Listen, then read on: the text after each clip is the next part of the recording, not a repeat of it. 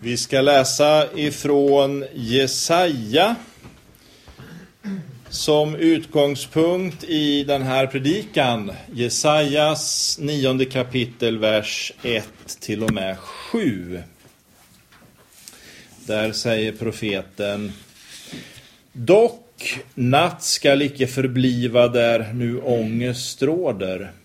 I den förgångna tiden har han låtit Sebulons och Naftalis land vara ringa aktat. Men i framtiden skall han låta det komma till ära. Trakten ut med havsvägen, landet på andra sidan Jordan, hedningarnas område. Det folk som vandrar i mörkret ska se ett stort ljus. Ja, över dem som bo i dödsskuggans land skall ett ljus skina klart. Du ska göra folket talrikt. Du skall göra deras glädje stor. Inför dig skall de glädja sig så som man glädes under skördetiden, så som man fröjdar sig när man utskiftar byte. Ty du ska bryta sönder deras bördors ok och deras skuldrors gissel och deras plågares stav, liksom i Midjans tid.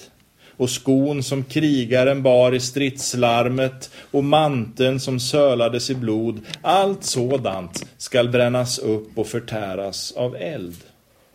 Ty ett barn var oss fött, en son bliver oss given och på hans skuldror skall herradömet vila och hans namn ska vara underbar i råd, väldig Gud, evig fader, fridsförste. Så ska herradömet vara stort och friden utan ände över Davids tron och över hans rike. Så skall det befästas och stödjas med rätt och rättfärdighet från nu och till evig tid. Herren Sebaots nitälskan ska göra det. Amen. Vi tackar dig Fader för detta profetiska ord som vi har fått läsa. Låt ditt ljus lysa över den här predikan, Herre, och levande gör de ord som du vill ska få tränga in i våra hjärtan. Och skulle något inte vara från dig, Herre, så ber jag att det ska få falla till marken och dö. Amen. För några dagar sedan var det årets allra kortaste dag.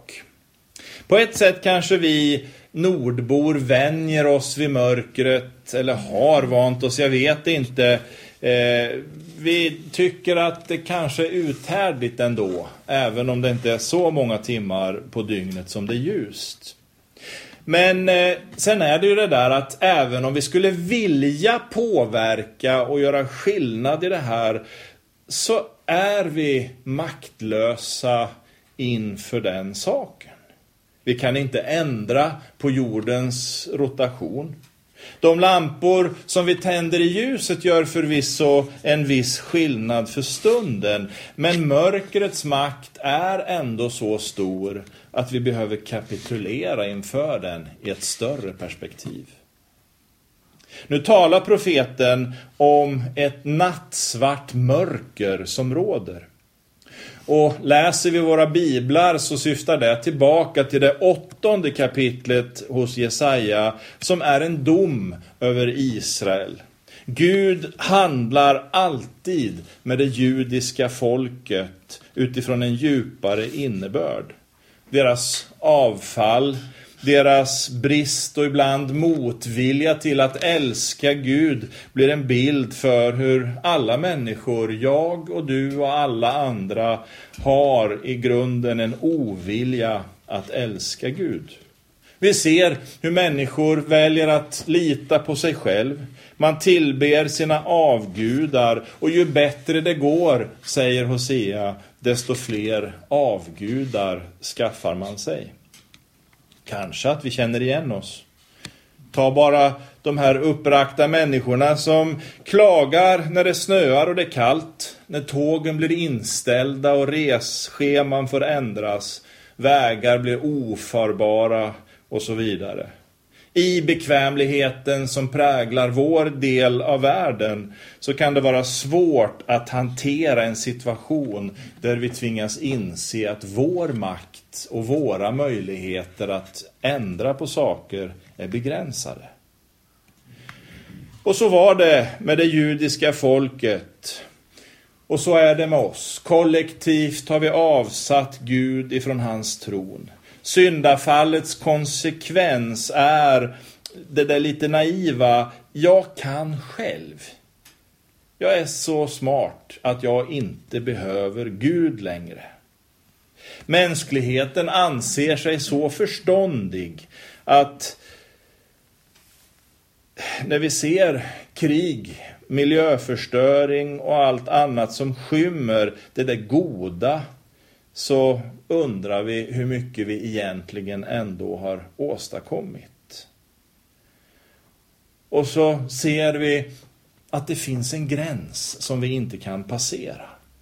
Precis som med vintermörkret, den bistra kylan och alla de här snömassorna som kan finnas omkring oss, så behöver vi inse att vi trots allt har begränsningar. Vi har inte den förmåga som krävs för att övervinna problemen i det större. Så därför börjar man gnälla när det där går emot den. Och så haglar anklagelserna emot Gud den Gud som man tidigare har avsatt. Det är hans fel. Det är hans fel. Det är hans kärlekslöshet som gör att vi får lida. Och kanske att det ändå är så att det finns ingen Gud. Han är nog ändå bara påhittad. I den tanken tror jag vi har närmat oss kärnan. Eller om man vill ta en annan bild, kanske att vi där hittar nyckeln till en sanning som är ännu större. För där finns plötsligt insikten om att också vi faktiskt har avgörandet i våra händer. Kanske att det paradoxala, det motsägelsefulla är att det är just dit, till den punkten, som Gud har tänkt att föra oss. Att vi kommer till den stund då vi inser vår oförmåga att regera världen i egen kraft. Att vi kan inte påverka skapelsens grundprinciper. Synden vill få oss att tro det. Den vill få oss att tro att vi kan övervinna livet med våra egna kunskaper. Men det finns alltid en gräns som vi inte kan passera. En punkt i livet där den där oforcerbara skylten har ställts som ropar ut hit, men inte längre. Där, vid den skylten, eller vid det avgrundsdjupet kan vi stå likt den rike mannen som Jesus berättar om i Lukas evangeliet 16 kapitel. Han stod inför ett oöverstigligt hinder mellan den plats han befann sig på i mörker och i ångest. Samtidigt som han kunde se över till den andra sidan där Lazarus satt i värme tillsammans med Herren. Det handlar om syndens herravälde och makt och hur syndens konsekvens ofrånkomligt är död och åtskillnad från Gud. Syndens herravälde och konsekvenser leder oss inte närmare Gud. Den binder oss i slaveri och den håller oss fast i mörkret, borta från Gud, ohjälpligt förlorade. Nu talar Jesaja om det nattsvarta mörkret där ångesten råder. Men läser vi noga ser vi att han gör det inte i en definitiv mening. Hans budskap bygger inte på en kapitulation inför ondskans makt, utan han förkunnar precis tvärtom. Att det folk som vandrar i mörkret, de ska få se ett ljus. De ska få se hur mörkret lyses upp, till och med i dödsskuggans land. Och den bilden är tydlig för oss. För vi vet vilken makt ljuset har över mörkret. På jorden finns inget mörker så mörkt att ljuset inte kan lysa. I det mörkaste mörker ser man alltid ljuset och det är det ljuset som är den enda möjligheten för oss att orientera var vi är. Att hitta vägen till friheten. Vi behöver ljuset för att komma rätt. Och nu profeterar Jesaja om ett ljus som ska komma för att skingra det nattsvarta mörker som synden har orsakat. För att lösa oss ifrån den kvävande ondskan. Och när Jesaja talar om detta pekar han på det lilla barnet. Det ljus som Gud ska tända i världen för att leda oss rätt föds som ett litet, litet barn. I människans maktlöshet, i människans oförmåga kräver inte Gud någonting av oss. Det är inte genom några rättfärdiga gärningar som vi hittar vägen ut ur mörkret. Det är inte genom rikedomar. Det är inte genom överdådiga kunskaper som vi blir lösta ifrån mörkrets makt. Nej, det är genom att vända sig mot ljuset och följa ljuset som vi hittar vägen. När barnet vuxit till leder han oss rätt. Och utifrån Mose förebild i Gamla Testamentet kommer han att leda folket från slaveri och bundenhet till frihet och glädje. Det profetiska löftet förutsäger den kommande frälsaren. Det förbereder mänskligheten på att ta emot det ljus som Gud vill tända av den enda anledningen att han älskar oss människor så högt att han vill betala det pris för vår frihet som vi själva inte kan betala. Gud själv gick in i mörkret för att lösa dess band. Gud själv gick in i mörkret för att hämta oss och leda oss ut i frihetens ljus. Gud själv betalar priset för vår frihet. Satan lockade Eva med förföriska lögner. Om ett bättre liv utan Gud, bara hon gjorde sig själv till herre över sitt liv.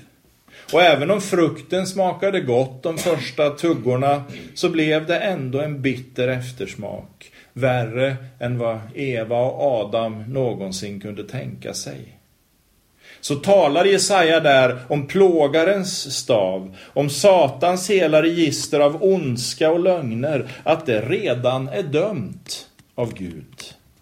När det profetiska löftet förutsäger den kommande sonen ligger det också en fullkomlig seger över ondskan i det löftet. För plågarens stav ska knäckas i ett nu av Jesus som bär hela herradömet på sina axlar. Han som heter underbar i råd, väldig Gud, evig fader och fridsförste. Han kommer för en gång, en gång för alla att göra upp med det som den rike mannen inte kunde forcera. Det avgrundsdjup som skilde honom från härligheten, det avgrundsdjupet överbryggas av sonen. På korset triumferar han.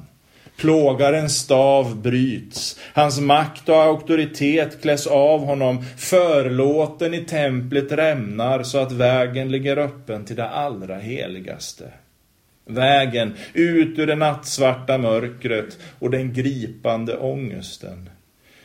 Du och jag behöver inte öppna den dörren. Vi kan inte tända ljuset. Det är Gud som öppnar dörren. Det är Gud som tänder ljuset genom att sända sin son in i vår värld. Allt vi behöver göra är att vända oss till honom. Att se på honom att följa honom på vägen genom döden till livet, från mörker till ljus. Sonens första predikan var kort enligt evangelisten Markus. Det han sa var Guds rike har kommit. När ljuset tändes var det inte i mänsklig mening på ett dramatiskt och omvälvande sätt. Inte som om vi människor skulle ha regisserat. Nej, det var i ödmjukhet och i enkelhet som han kom. Han föddes i ett stall under fattiga omständigheter. Han levde ett liv som flykting. Han gjorde aldrig anspråk på tribuner med tjänare som passade upp. Utstötta och udda människor var hans vänner. Rättfärdighet och rätt var hans ledstjärna och kallelsen bestod inte i att bli betjänad utan genom att tjäna och utge sig själv till lösen för många. Och detta rike befäste sonen till evig tid. Hans verk begränsas inte till en kort och bestämd tid och en liten skara människor. Barnet som Gud gav oss har låtit evigheten bryta in med sitt ljus i vår tid. Genom att ge upp de egna försöken att försöka behaga Gud, att vara på ett visst sätt i tron att det är det som hjälper. Och istället kapitulera och följa den enfödde sonen. Det är då man finner vägen till evigheten. Så att cirkeln kan slutas. Paradisets port som stängdes bakom Adam och Eva öppnas på nytt av Jesus och vi får gå in i Herrens härlighet. Det namn som gossen skall bära är underbar uti råd och väldig Gud skall han kallas och evig fader med nåd. Och oss som längtar till freden mer hett än någonsin förr han visat vägen till Eden och öppnar lustgårdens dörr. Amen.